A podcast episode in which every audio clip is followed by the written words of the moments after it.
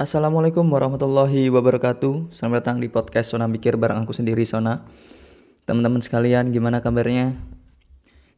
Uh, jujur emang udah lama gak upload ya uh, podcast ini Karena emang ada beberapa kerjaan lah. Cukup hektik banget sehingga sedikit gak terfokuskan bikin konten podcast seperti ini. Uh, Mumpung ini ada kesempatan curi-curi waktu lah ibaratnya jadi why not uh, apa buat konten podcast. Tapi uh, konten kali ini nggak terlalu berat. Kayak biasa emang biasanya berat nggak sih? Oke. okay. Uh, konten kali ini ngebahas tentang tips dalam milih tempat kursus ya. Ini kursus mana pun tidak harus kursus bahasa.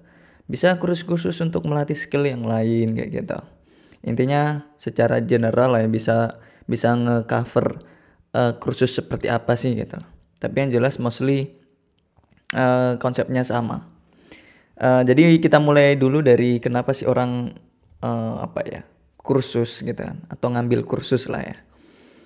Uh, the first one uh, adalah because people want to get uh, knowledge or even yeah they need someone else to teach them gitu because because they think that uh, they cannot learn alone or by themselves. Oleh sebab itu ya butuh seseorang yang lain yang lebih paham dari dirinya untuk uh, apa ya diajari lah ibaratnya gitu. Dia dia minta ajarin seperti itu. Karena dia nggak bisa merasa nggak bisa belajar sendiri gitu. Nggak bisa belajar secara mandiri. Ya tujuannya untuk mendapatkan skill ya um, ataupun jadi uh, dari yang belum bisa menjadi bisa atau lebih baik lagi jatuhnya. Lebih punya kompetensi lagi seperti itu. But basically they take a course because uh, they cannot teach themselves alone. So that's why uh, they think that they need someone else to teach them gitu. Correctly. Nah itu yang pertama. Yang kedua adalah because they want to find out the support system, good support system to help them uh, reaching their dream gitu, reaching their goal gitu. In term of skills, of course gitu. Jadi emang butuh ya karena emang nggak bisa belajar sendiri umumnya dan nggak bisa memanage dirinya, nggak bisa nge-set up environmentnya. Uh, jadinya butuh uh, tempat kursus yang mana itu bisa nge-set up support sistemnya untuk bisa mencapai targetnya gitu loh dalam belajar ya dalam mengambil kursus tersebut atau ingin uh, mendapatkan suatu kompetensi dari skill yang yang dia sudah tentukan sebelumnya. Nah, support system perlu diketahui emang butuh banget kita gitu loh karena hanya sekedar motivasi saja, komitmen saja itu nggak cukup. Kita punya komitmen tinggi gitu kan. Tapi komitmen itu bisa terjaga gitu kan. Komitmen itu bisa terjaga ya uh, salah satu faktornya adalah karena support system gitu loh. Ya lingkungan yang begitu baik, yang mendukung. Nah, sehingga komitmen kita bisa jadinya uh, apa ya? bertahan gitu loh. Dan bahkan semakin lebih baik uh, hari demi hari gitu. Jadi uh, orang memilih ataupun mencari mengambil kursus karena ya dapetin support system. Uh, selain daripada itu, selain daripada emang butuh seseorang untuk diajari, butuh yang namanya support system adalah ya ingin menambah, basically ingin menambah networking gitu. Karena mostly uh, ketika ngambil kursus kan bersinggungan dengan orang lain, berkomunikasi dengan orang lain. Ya meskipun kursusnya itu juga private ya, dengan tutornya secara langsung, ya face to face hanya dua orang saja antara tutor dan uh, studentnya gitu ya basically kan tetap aja berkomunikasi dan dari situ bisa nambah networking juga gitu loh. Sehingga who knows in the future bisa ya jadi salah satu pintu rezeki ya gitu kan. Dan ataupun bisa uh, apa ya ketemu kunci dari pintu opportunity yang lain gitu. Ketemu pintu opportunity di masa depan tapi kuncinya dia nggak bawa. Kuncinya ada pada orang lain ya. Siapa tahu dengan punya networking dah networking itu bisa menjadi kunci gitu untuk membuka opportunity yang dia sudah temukan. Who knows gitu. Nah itu kenapa sih umumnya ya kenapa orang ngambil kursus? Seperti itu. Tapi nah ini masuk ke problem nih. Bahwasanya ya nggak jarang sih orang-orang yang ngambil kursus itu alhasil ber, apa ya berhenti gitu atau putus di tengah jalan. Nggak sampai tuntas kursusnya gitu atau mungkin atau mungkin ya hasil belajar dari kursus tersebut memang nggak sesuai dengan ekspektasi dia gitu loh. They think that um, they got something gitu kan dari tempat kursusnya ketika dia sudah belajar menuntaskan belajarnya.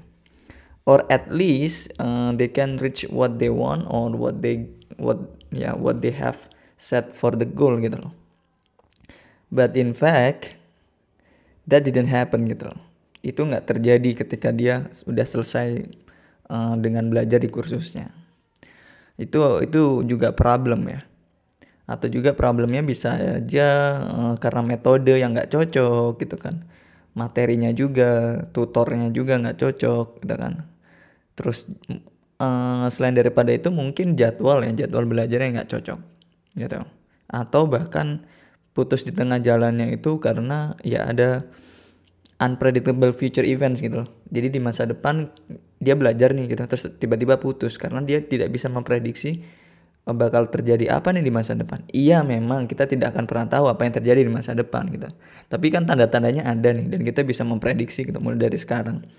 Tapi ketidakmampuan dalam memprediksi itu gitu kan sehingga menggagalkan uh, jalannya dalam uh, belajar di tempat kursus seperti itu. Jadi ya itulah problem-problem yang sering kali terjadi uh, ketika seseorang itu ngambil kursus ya. Nah, umumnya memang uh, orang itu ngambil kursus itu dengan cara ya ada dua sih sepengetahuanku ya. Umumnya yang umumnya dilakukan oleh orang-orang tatkala mengambil tempat kursus ya. Adalah by recommendation gitu kan dari rekomendasi dari ya mungkin kerabatnya atau temannya udah pernah kursus di sana gitu. Jadi ada rekomendasi gitu kan dari keluarga atau teman atau siapa pun yang sudah pernah belajar di tempat kursus tersebut. Oke. Okay. Uh, eh, atau enggak dari rekomendasi dari ya um, teman atau siapa pun lah yang yang um, bekerja di sana gitu loh. Sebagai tutornya kah atau sebagai staffnya kah atau apa pun pokoknya bekerja di tempat kursus tersebut gitu. Dapat rekomendasi kayak sehingga percaya di situ. Intinya dapat rekomendasi. Biasanya emang ya rekomendasi ini ampuh banget sih emang gitu. Bisa benar-benar ngeset uh, apa ya pemikiran seseorang sehingga terpengaruh get influence gitu loh. So akhirnya ngambil uh, tempat kursus tersebut. Yang selanjutnya itu adalah uh, kenapa orang ngambil tempat kursus itu umumnya karena korban marketing gitu. Agak lucu sih. Tapi memang inilah faktanya karena setiap kursusan pasti kan ya we talk about business gitu loh. And every business unit gitu kan. Pasti punya yang namanya strategi marketing gitu. Dan ya konsepnya dalam marketing kan gimana nih orang bisa terpengaruh gitu loh. Sehingga akhirnya uh, dari marketing itu kemudian pindah ke funnel sales gitu kan. Sehingga di situ ada closing. Sehingga kena lah gitu kan. Nah tapi ya itu lagi-lagi ya eh, bagian dari strategi marketing sehingga orang ngerasa wih keren nih tempat kursus ini. Ya akhirnya eh, lebih lanjut lagi nanya dan kena deh closingan gitu loh. Uh, mungkin strategi marketingnya juga menampilkan hal-hal yang bagus. Ya of course ya. Namanya juga marketing gitu loh. Pasti value yang baik-baik saja yang ditonjolkan gitu entah itu dari konteks uh, metode belajarnya kah atau enggak emang fasilitasnya kah atau bahkan uh, diiming-iming dengan hasil belajar yang di luar ekspektasi which is good gitu kan. Dari sebab itu ya akhirnya kena gitu lah. Akhirnya apa berpikir untuk ya udah ngambil ini aja gitu karena ini ini ini gitu. Nah ataupun bisa karena testimoni ya melihat testimoni dari um, tempat kursus tersebut ya oke okay, uh, dirasa bagus dan uh, alhasil langsung ngambil. But itu nggak salah uh, memilih tempat kursus berdasarkan oke okay, pertama rekomendasi yang kedua adalah uh, karena marketing gitu. Itu itu nggak salah. As long as we we are smart gitu loh to decide. Karena kita harus tahu bahwasanya yang pertama misalnya dari konteks rekomendasi nggak semua tempat kursus itu memang cocok untuk setiap orang. Menurutku seperti itu sih. Jadi misal ada orang lain cocok gitu. Iya jangan serta merta langsung ditelan sih karena belum tentu itu cocok ya dengan kita sendiri. Di mereka cocok di kita ya ya kita mesti mesti pinter-pinter gitu loh untuk mencermati dan memilih secara bijaksana. Emang apakah emang benar-benar tepat nih buat kita gitu sih kalau dirasa dari hasil uh, analisis pengamatan dan lain sebagainya gitu kan uh, dirasa hasilnya adalah memang cocok ya udah ambil. Tapi kalau semisal nggak cocok ya ya udah ngapain keep going gitu. So you you need to pick up another course gitu kan uh, yang lebih tepat untuk kitanya. Sehingga dari hal itu ya uh, kita mesti apa ya lihat secara menyeluruh dalam memilih tempat kursus. Tips dari aku adalah ini yang pertama yaitu kita jangan lihat dulu ya, jangan lihat dulu uh, tempat kursusnya, tapi ini kita lihat dulu dari sisi kitanya sendiri, pribadi kita. Jadi tips yang pertama adalah kita mesti kenali diri sendiri gitu loh. Maksudnya mengenali diri sendiri itu adalah tentang strengths dan weakness kita, misalnya dari konteks skill yang ingin kita pelajari ya di tempat kursus ya. Misalnya ambil contoh paling umum deh kursus bahasa lah ya. Bahasa Inggris gitu. Ya kita lihat gitu loh kemampuan kita itu kayak gimana sih strength sama weaknessnya dari konteks bahasa Inggris gitu loh. Oh seperti ini strength kita, weakness kita gitu. Misalnya banyak kekurangannya, poin-poinnya apa aja nih. Aku nggak bisa ini, nggak bisa itu dan sebagainya. Terus uh, strength kita apa ternyata strengthnya jauh lebih sedikit. Nah kira-kira uh, dari situ uh, kita bisa menilai diri kita kan oh karena kita itu levelnya masih uh, sedemikian gitu mungkin ambil contoh yang umum masuk kategori basic ya karena umumnya ada tiga ya. Basic intermediate sama advance. Nah uh, dari strength dan wins kita kita amati ternyata kita bisa ambil poin bahwasanya kita masih basic banget gitu. Oke itu poin pertama yang mesti kita harus uh, lihat gitu loh jangan sok kepedean juga atau jangan sok minder juga gitu. Loh oh, kayaknya aku nol banget nol banget. Oh, kayaknya nggak nol deh minus deh gitu kan dari segi kemampuan gitu. Atau yang kepedean gitu loh. Oh kayaknya aku udah jago nih gitu kan. Tapi ya sebenarnya enggak gitu. Nah dari strength dan weakness tersebut kita move gitu loh. Adalah kita lihat yang namanya spesifik target kita yang ingin kita capai. Ya ini juga salah satu bagian dari mengenali diri sendiri kita sebenarnya kursus itu untuk apa sih gitu. Kita ingin mencapai apa gitu. Ya karena kalau kita misalnya tadi yang kembali kasusnya adalah belajar bahasa Inggris saja.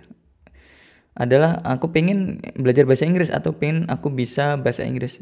Itu sesuatu yang general target ya gitu dalam artian belum spesifik. Yang aku maksud di sini adalah kita mesti ciptakan target yang jauh lebih spesifik lagi gitu mahir berbahasa Inggris itu cukup umum gitu tapi kita mesti buat yang lebih spesifik lagi tentang uh, belajar bahasa Inggris itu sendiri. Ambil contoh yang mungkin untuk uh, belajar bahasa Inggris untuk uh, mencapai beasiswa target uh, untuk dapetin TOEFL sekian atau dapetin IELTS sekian gitu. Itu salah satu yang lebih spesifik lagi dan ingin dicapai uh, kurang lebih enam bulan gitu. Nah, itu spesifik target. Jadi ada ada batas waktu dan juga uh, deskripsi target yang benar-benar bisa mencerminkan uh, tentang apa ya hal-hal yang ingin benar-benar kita capai secara spesifik sehingga itu akan lebih mudah divisualisasikan jatuhnya. Sehingga dalam rangka untuk mencapai itu kita jauh lebih mudah gitu loh untuk mengatur segala strateginya. Intinya demikian. Ya jadi buat start uh, strategi ataupun target lah ya uh, yang spesifik mungkin seperti itu. Uh, bahasa Inggrisnya ini untuk apa dan lain sebagainya gitu kan. Nah setelah uh, mengenali diri sendiri in term of specific target we are moving to learning style. Kita ini belajarnya itu stylenya kayak gimana sih gitu? Apakah kita ini tipe yang kinestetik, audio atau enggak visual gitu? Atau enggak uh, audio visual gitu dan lain sebagainya. Jadi style dalam kita belajar itu kita harus mengenali diri sendiri gitu. Ya. Oh, aku belajar itu tipikalnya seperti ini loh, seperti A gitu. Oke. Jadi harus melihat seperti itu ya. Jangan sampai nggak ngelihat gitu. Karena takutnya uh, apa ya bertabrakan dengan realita dalam artian tempat kursusnya kita yang misalnya lebih cenderung mudah menangkap sesuatu yang visual ya ternyata di sana itu tempat kursusnya tidak ada mengedepankan konteks visual gitu. Sehingga kan ya ada ketidaknyamanan gitu loh. Ataupun materi yang diserap pun juga akan akan susah jatuhnya. Jadi kita mesti melihat learning style kita itu seperti apa. Selanjutnya adalah tentang schedule kita. Kalau kita mau berinvestasi penuh hmm, terhadap waktu kita uh, kita jatuhkan kepada yang namanya belajar di tempat kursus itu why, apa nggak masalah. There's no any problem. Such problem uh, when when we want to uh, was the invest our time full time gitu kan to learn in a course gitu. So itu nggak masalah banget. But orang-orang cenderung zaman sekarang ya nggak demikian ya gitu. Artinya uh, ya kerja atau ngapain lain uh, ngapain lagi ya melakukan hal, -hal tertentu lah itu aktivitas efek tertentu.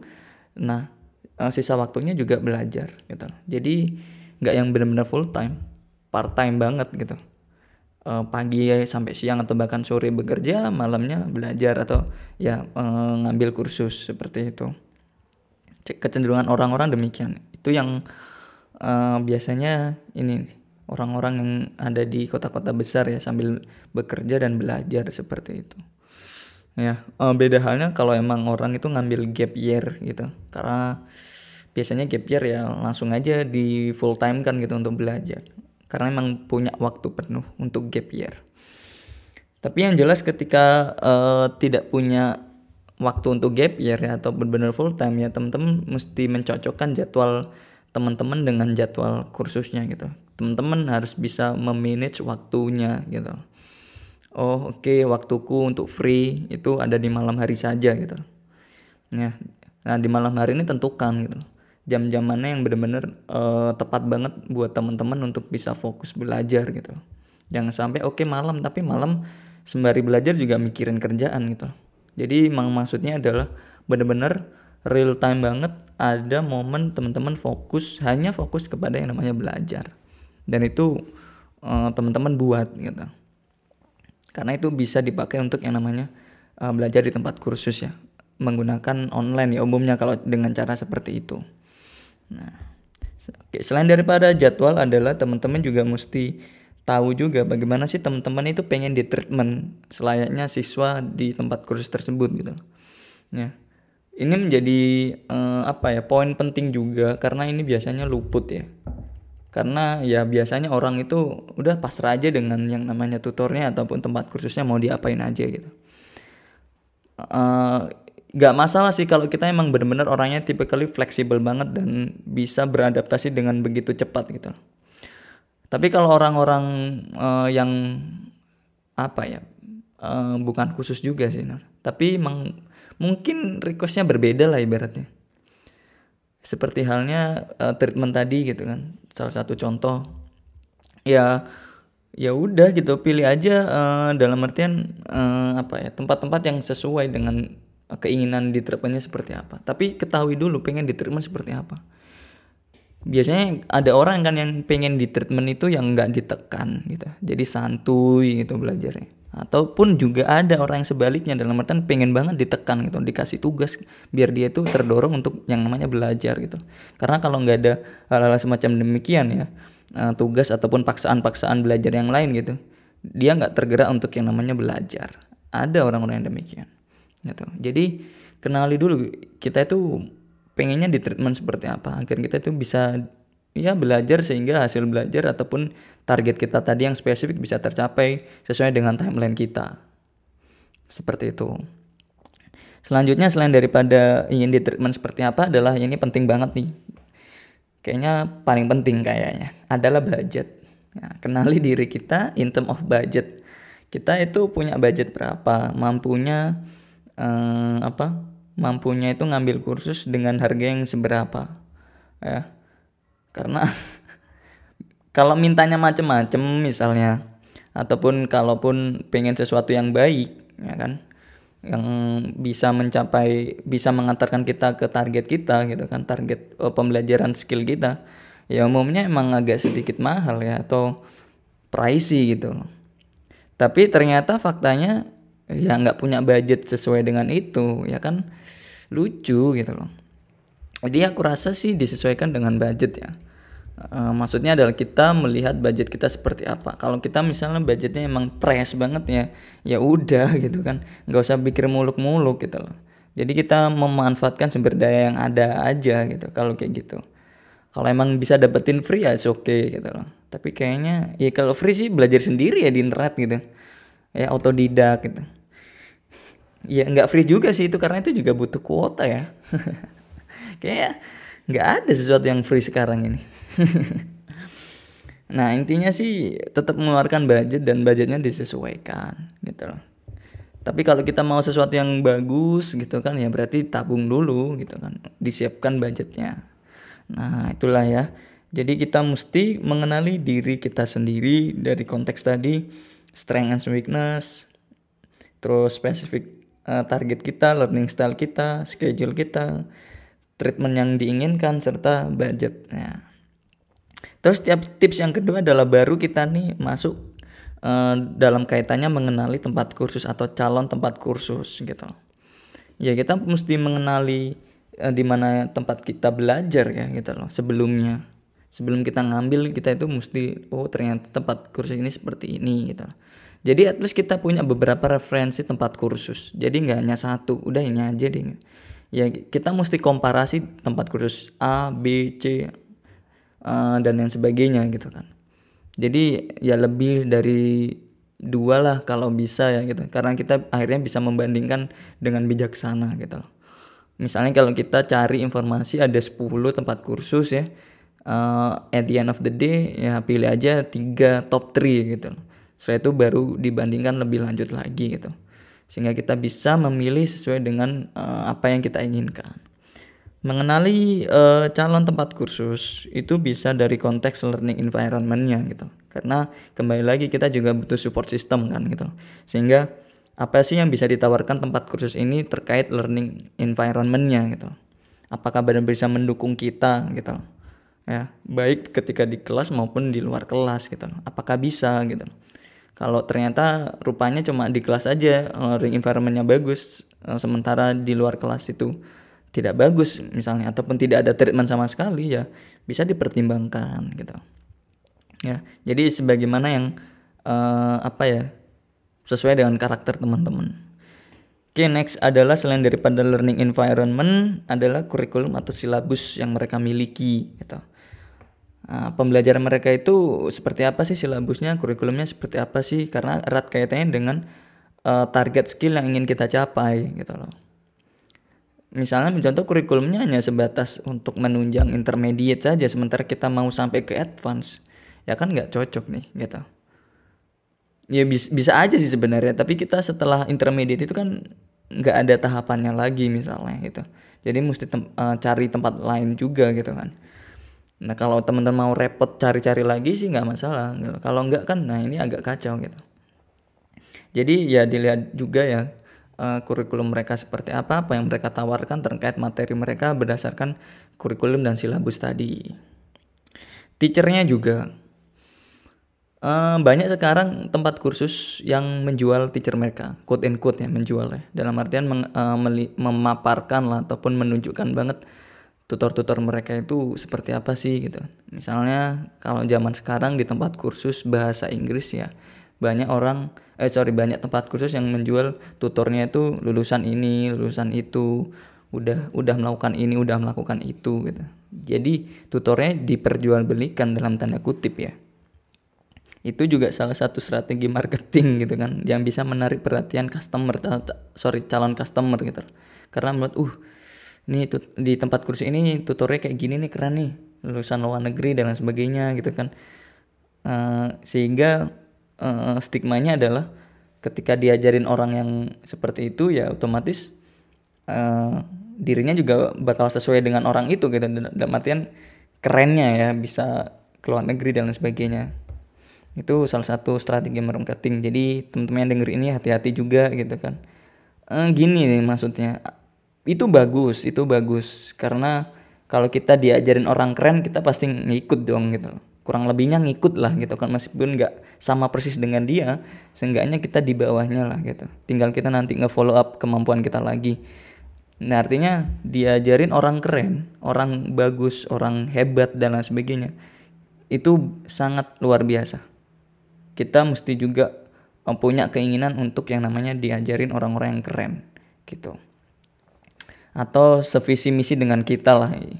Itu konteks yang mendasar banget lah. Nah tapi teman-teman harus sadari harus sadari ya nggak semua orang keren juga bisa ngajar gitu. Nggak semua orang bisa bisa mengajar. Semua orang bisa jadi guru semua orang bisa jadi tutor semua orang bisa jadi teacher gitu. Tapi nggak semua orang bisa teach teaching ya. Nggak semua orang bisa mengajar gitu itu juga mesti hati-hati. Makanya dari itu kita mesti lihat juga gitu loh. Teacher teachernya. Teachernya itu yang kita lihat tidak hanya backgroundnya saja dalam artian dia udah lulusan mana gitu udah melakukan apa gitu ikut seminar ini atau udah bikin apa gitu. Tapi lihat track record dari mengajarnya juga lah gitu. Dia pernah mengajar nggak sih gitu? Pengalaman mengajar, mengajarnya seperti apa? Kita juga mesti lihat dia jangan hanya terpancing.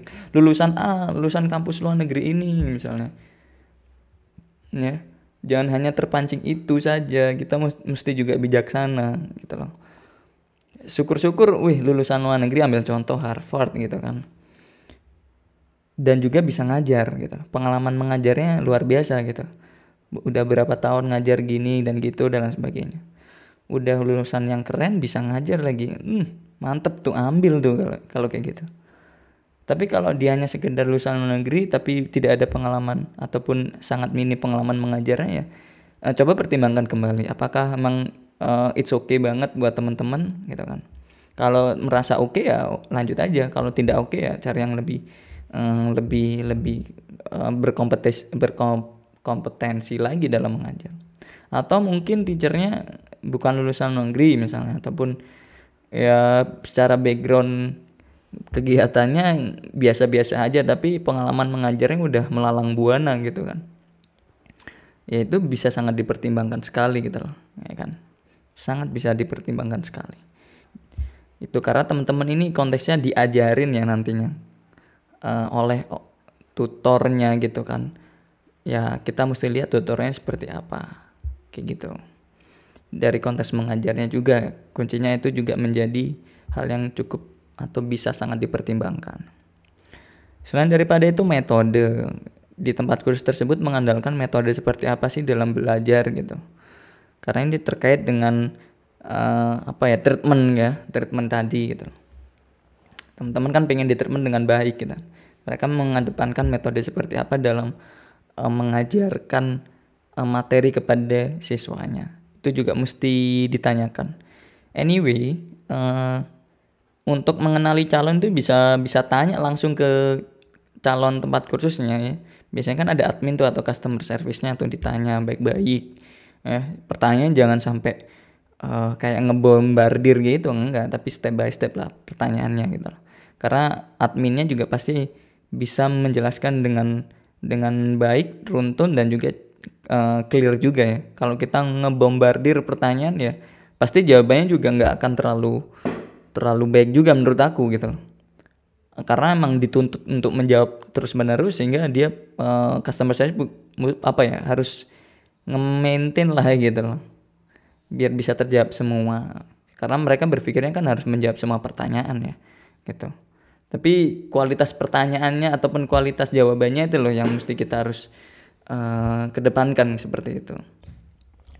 Di dijawab sih pertanyaannya oleh customer service tapi nggak begitu berkualitas jawabannya. Itu kan ya uh, cukup lucu loh intinya gitu kan. Sehingga kan kita tidak mendapatkan informasi yang begitu jelas. Artinya mungkin sepotong-sepotong atau cuma setengah saja informasi yang kita dapatkan gitu loh. nah itu juga cukup hati-hati. Uh, selain daripada metode juga engagement uh, karena ini perlu banget ya engagement. Bahwasanya engagement di sini adalah komunikasi antara uh, tempat kursus tersebut dengan siswanya. Itu juga uh, apa ya menjadi hal yang begitu penting ya. Karena service itu sekarang kan zamannya juga service ya nggak hanya produk gitu loh tapi service gitu. engagement itu salah satu bagian dari service gitu. Karena tempat kursus itu menjual menjual jasa ya gitu loh. Sehingga salah satu uh, apa ya hal yang penting service gitu loh. Sehingga kita mesti lihat uh, gimana sih dia nge-serve kita melalui engagement engagement yang ada gitu loh itu menjadi poin penting gitu. Ya karena kita nggak mau kan uh, di service dengan tidak baik gitu loh. Karena kita udah bayar nantinya. Jadi apa yang kita keluarkan atau investasikan ya itu mestinya juga kembali dengan begitu baik uh, dari konteks apa pun. Selanjutnya adalah ya terkait dengan budget tadi tentang price. Jadi kenali uh, tempat kursus tempat kursus yang bakal bakal kalian tempati itu berdasarkan uh, costnya atau biayanya gitu. Biaya-biayanya seperti apa ya gitu kan mereka menawarkan program-program yang begitu luar biasa pastinya gitu dan juga pasti eh, program-program yang luar biasa itu berkorelasi dengan price yang mereka sudah tentukan. Sehingga kita bisa melihat oh ternyata programnya baik sih keren banget gitu aku suka tapi harganya gitu kan. Biasanya ketika melihat harga waduh mundur gitu dengan perlahan. Nah oleh karena itu kita juga mesti bijaksana ya. Kembali lagi tadi kalau kita memang pengen mendapatkan servis yang begitu baik ya siapkan budget gitu loh. Itu sih intinya. Tapi uh, kalian juga bisa pertimbangkan dalam artian dengan program yang ditawarkan seperti ini nih gitu kan. Terus uh, harganya demikian worth it gak gitu loh. Worth it gak gitu loh. Kalau worth it ya oke okay aja gitu. Kalau nggak worth it ya biasanya sih kalian punya hak ya untuk ataupun bisa memilih lah untuk menolak gitu. Jangan sampai kepancing oleh kata-kata yang begitu luar biasa dari admin. Karena pasti ada lah gitu kan kata-kata yang bisa mengarahkan gitu kan sehingga sampai closing. Itu ya. Jadi setelah kita mengenali diri sendiri setelah itu mengenali calon tempat kursus kita nah kemudian tips yang uh, selanjutnya adalah cocokkan itu semua. Dan mesti diingat bahwa saya tidak semua tempat kursus itu sempurna gitu loh.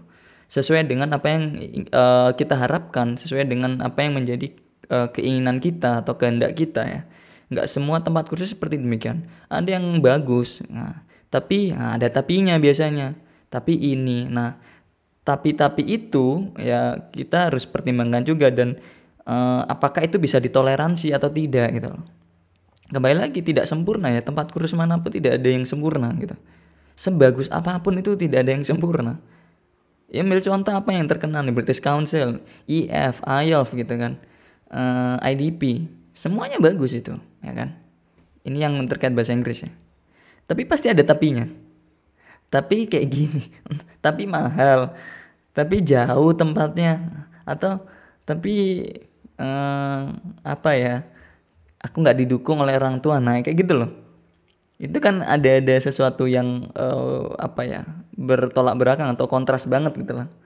Ya semuanya baik gitu. Bahkan tempat khusus yang eh, mungkin tidak terkenal ya gitu atau uh, masih ya masih baru lah ya intinya tempat khusus pasti juga punya sesuatu yang bagus itu untuk ditawarkan.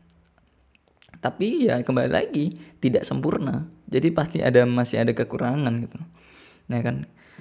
Kembali lagi itu berdasarkan kita kekurangannya. Jadi mesti dicocokkan gitu loh. Kita maunya saat punya list keinginan kita uh, dari yang tadi ya strength and weakness specific target learning style terus schedule sama treatment sama budget kita. Kita udah punya list di sana. Teret, oh aku pengennya yang kayak gini. Terus udah memberikan suatu kesimpulan ketika mengenali diri sendiri.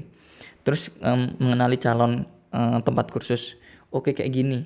Set nah um, pasti nggak semuanya cocok. Pasti nggak semuanya cocok. Nah tapi sekarang kita berpikirnya adalah itu bisa ditoleransi atau tidak gitu. Kalau misal kalau semisal bisa ditoleransi ya oke okay, gitu kan take it gitu. Tapi kalau nggak bisa ditoleransi meskipun bagus ya udah leave it. Nah intinya seperti itu ya. Jadi perlu diingat nih mindsetnya bahwa saya semua tempat kursus itu pasti ada kekurangan yang nggak sempurna gitu loh. Namanya juga bikinan manusia ya gitu loh. Ya kan pasti ada aja kekurangannya. Nah tapi tinggal kita mau mentoleransinya atau tidak. Itu saja. Terus um, kemudian adalah uh, setelah kita misalnya oke okay, ini bisa ditoleransi dan cocok gitu kan. Jangan hanya udah ngikut aja nantinya uh, apa dengan treatment ataupun materi dari tempat kursus tersebut kan ya. Jangan hanya seperti itu gitu kan. Kecenderungannya kalau kita hanya nurut-nurut saja gitu kan ya kita nggak bisa memantau diri kita sendiri. Ya, padahal kita mesti punya kedaulatan atas diri kita sendiri gitu. Artinya ya kita mesti bisa melihat diri kita itu seperti apa uh, perkembangan kita dalam belajar ya. Oke, tutor kita pasti tahu kita itu perkembangannya seperti apa ataukah ada penurunan bahkan gitu. Artinya bisa melihat diri uh, melihat diri kita ya, mereka itu atau tutor-tutor tersebut. Tapi jangan hanya mengandalkan mereka, kita juga mesti harus melihat diri kita sendiri gitu. Karena ya kita punya kuasa atau kehendak atas diri kita lebih dari orang lain gitu loh. Ya, oleh karena itu setelah kita memilih tempat kursus oke okay, gitu kan dan bisa mentoleransi segala kekurangan yang dimiliki tempat kursus tersebut adalah kita buat yang namanya study plan kita sendiri. Make our own study plan gitu loh. Ya. Jadi kita bisa memantau perkembangan belajar kita. Oh udah kayak gini udah kayak gitu. Nah ya. Uh, kembali lagi uh, ini ya salah satunya adalah kita jangan lepas tangan lah intinya gitu loh kita kan mau yang namanya target spesifik tadi itu bisa tercapai uh, sesuai dengan timeline kita atau bahkan lebih cepat daripada timeline kita. Jadi kita mau nambah-nambah sendiri belajarnya nih. Karena umumnya ya belajar tempat kursus itu ada yang tiap hari ya ada tapi ada juga yang tidak gitu loh. Nah, ketika memilih kalau kalau tiap hari mungkin agak capek kan resikonya dan kecenderungan orang tidak mau seperti itu. Sehingga memilih ada jedanya belajarnya.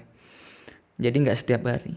Nah umumnya ketika tidak ada uh, jam belajar misalnya untuk di tempat di tempat kursus adalah ya kita nggak ngapa-ngapain ya. Makanya itu kita butuh study plan agar bisa membantu kita tetap belajar keep learning kayak gitu. Dan kita juga bisa alasin memantau perkembangan kita sendiri gitu loh. Sehingga target yang spesifik tadi bisa dicapai lebih awal gitu. Daripada timeline sudah ditentukan. Jadi buat yang namanya study plan kita gitu loh. Min kalau kita nggak bisa buat study plan itu sendiri ya minta bantuan pengajar kita gitu loh.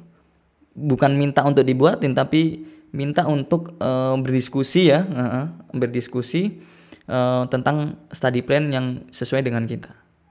Gitu. Terus ya selanjutnya selain daripada make our study plan ya kita mesti buat yang namanya atau bangun yang namanya komitmen. Nah, kita mulai membangun komitmen. Nah, komitmen ini bisanya kita sendiri gitu loh. Orang lain hanya memotivasi, tapi untuk urusan komitmen ya ya kita sendiri gitu kan, nggak bisa orang lain gitu loh. Kita make decision by ourselves gitu kan tentang uh, be commit terhadap yang namanya apa yang menjadi uh, skill yang ingin kita kuasai ya gitu atau target skill yang benar-benar ingin kita capai sehingga kita bisa menambah kompetensi kita. Jadi buat yang namanya komitmen, membangun komitmen itu bisa melihat dari uh, sekitar gitu, ya. Uh, berdasarkan apa yang ingin yang kita, apa yang ingin kita lakukan di masa depan atau enggak pada saat itu juga gitu loh. Dan uh, apa ya ikatan lah ya intinya membangun komitmen itu dengan sebuah ikatan gitu ikatan terhadap uh, diri kita dengan uh, orang lain kah? Atau enggak kepada orang banyak? Atau enggak lingkungan sekitar dan sebagainya gitu. Misalnya aku ingin membingin, membuat atau membangun komitmen itu berdasarkan uh, aku ingin berkontribusi terhadap ini terhadap itu terhadap negaraku dan sebagainya. Sehingga keinginan yang begitu besar tersebut melahirkan suatu komitmen gitu loh. Adanya suatu ikatan. Ya, selanjutnya adalah setelah kita membuat atau build komitmen, kita juga perlu yang namanya set the mindset gitu Jadi mengatur segala mindset kita bahwasanya tempat kursus itu bukan penentu segalanya atau benar-benar faktor utama kesuksesan kita. Ingat bahwasanya tempat kursus itu adalah faktor pendukung kesuksesan saja gitu.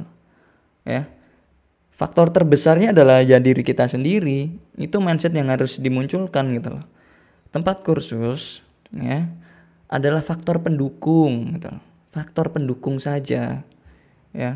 Faktor pendukung ini bisa begitu kuat begitu besar juga ya. Tapi intinya tetap saja faktor pendukung faktor yang sangat begitu luar biasa atau faktor penentunya ya diri kita sendiri. Percuma saja tempatnya uh, faktor pendukungnya begitu luar biasa ya tempat khususnya luar biasa banget. Environmentnya sangat mendukung. Tapi kitanya nggak mau bergerak kitanya biasa-biasa aja kitanya cenderung pasif dan sebagainya. Ya udah gitu kan.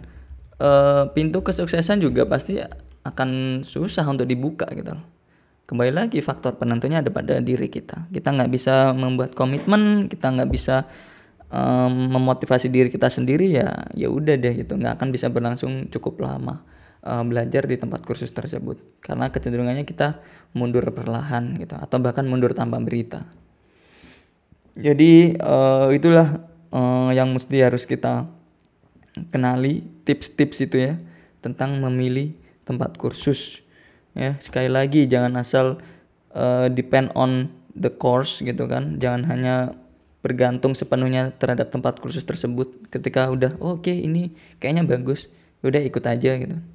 Tanpa mengenali diri kita sendiri dan tanpa membangun komitmen buat yang namanya study plan gitu kan. Dan juga punya mindset tadi. Jangan seperti itu. Ya tapi kalau udah mengenali diri sendiri mengenali tempat uh, kursus itu dengan baik ya udah cocokkan gitu kan. Terus uh, apa bisa ditoleransi atau tidak. Ketika udah bisa ditoleransi tahapan selanjutnya adalah ya kita buat yang namanya study plan kita sendiri gitu kan. Target belajar gitu agar kita bisa memantau perkembangan belajar kita kemampuan kita. Selanjutnya adalah membangun komitmen dan juga membangun suatu mindset ya. Oke uh, ada catatan ya adalah biasanya tempat kursus itu untuk awal-awal maksudnya ada customer nih gitu kan calon student gitu kan yang mau masuk biasanya ada placement test. Nah, placement test itu sebenarnya hal yang membantu kita dalam membentuk, menentukan level kita itu udah sejauh mana gitu kan. Tapi bukan sebagai penentu uh, belajar kita harus diapakan gitu. Tapi adalah membantu kita, oh kita itu tahapannya masih level ini, masih level itu tapi kita menentu kita sebagai penentu sendiri ya dalam artian kita punya kuasa meskipun level kita masuk ke dalam level, advance tapi tapi kita masih belum merasa yakin kita masih belum merasa pede ya nggak apa-apa it's okay banget untuk memilih level di bawahnya terlebih dahulu atau misalnya mau refresh dulu gitu kan dalam artian flashback materi-materi yang sudah pernah dipelajari oke okay, gitu. dan pun kita bisa uh, jangan sampai yang namanya uh, over confidence juga gitu loh. Oh, udah level advance nih gitu kan. Oke deh, ambil aja gitu. Jangan seperti itu. Tapi jangan juga minder ya tadi. Levelnya advance habis placement test tapi aduh nggak percaya diri banget gitu, gitu kan. Uh, jatuhnya pengen ngambil yang basic aja, terlalu jauh gitu intinya. Uh, well, uh, itu aja yang bisa aku sampaikan tentang tips memilih tempat kursus. Semoga teman-teman yang dengerin ini yang mau ngambil kursus apa pun itu yang gak harus bahasa ya bisa kompetensi dalam mengajar kah ataupun skill dalam public speaking ya. Terus apa lagi ya? Uh, skill tentang yang namanya digital marketing dan sebagainya. Kayaknya berlaku juga di konteks ini. Yang jelas tadi uh, aku flashback lagi ya bahwasanya kita mesti kenali diri kita sendiri terlebih dahulu. Setelah itu baru kita kenali tempat kursus tersebut dan kemudian cocokkan bangun study plan uh, build komitmen dan atur yang namanya mindset kita. Well itu aja yang bisa aku sampaikan kurang aku mohon maaf dan sampai jumpa di podcast berikutnya. Wassalamualaikum warahmatullahi wabarakatuh. Bye.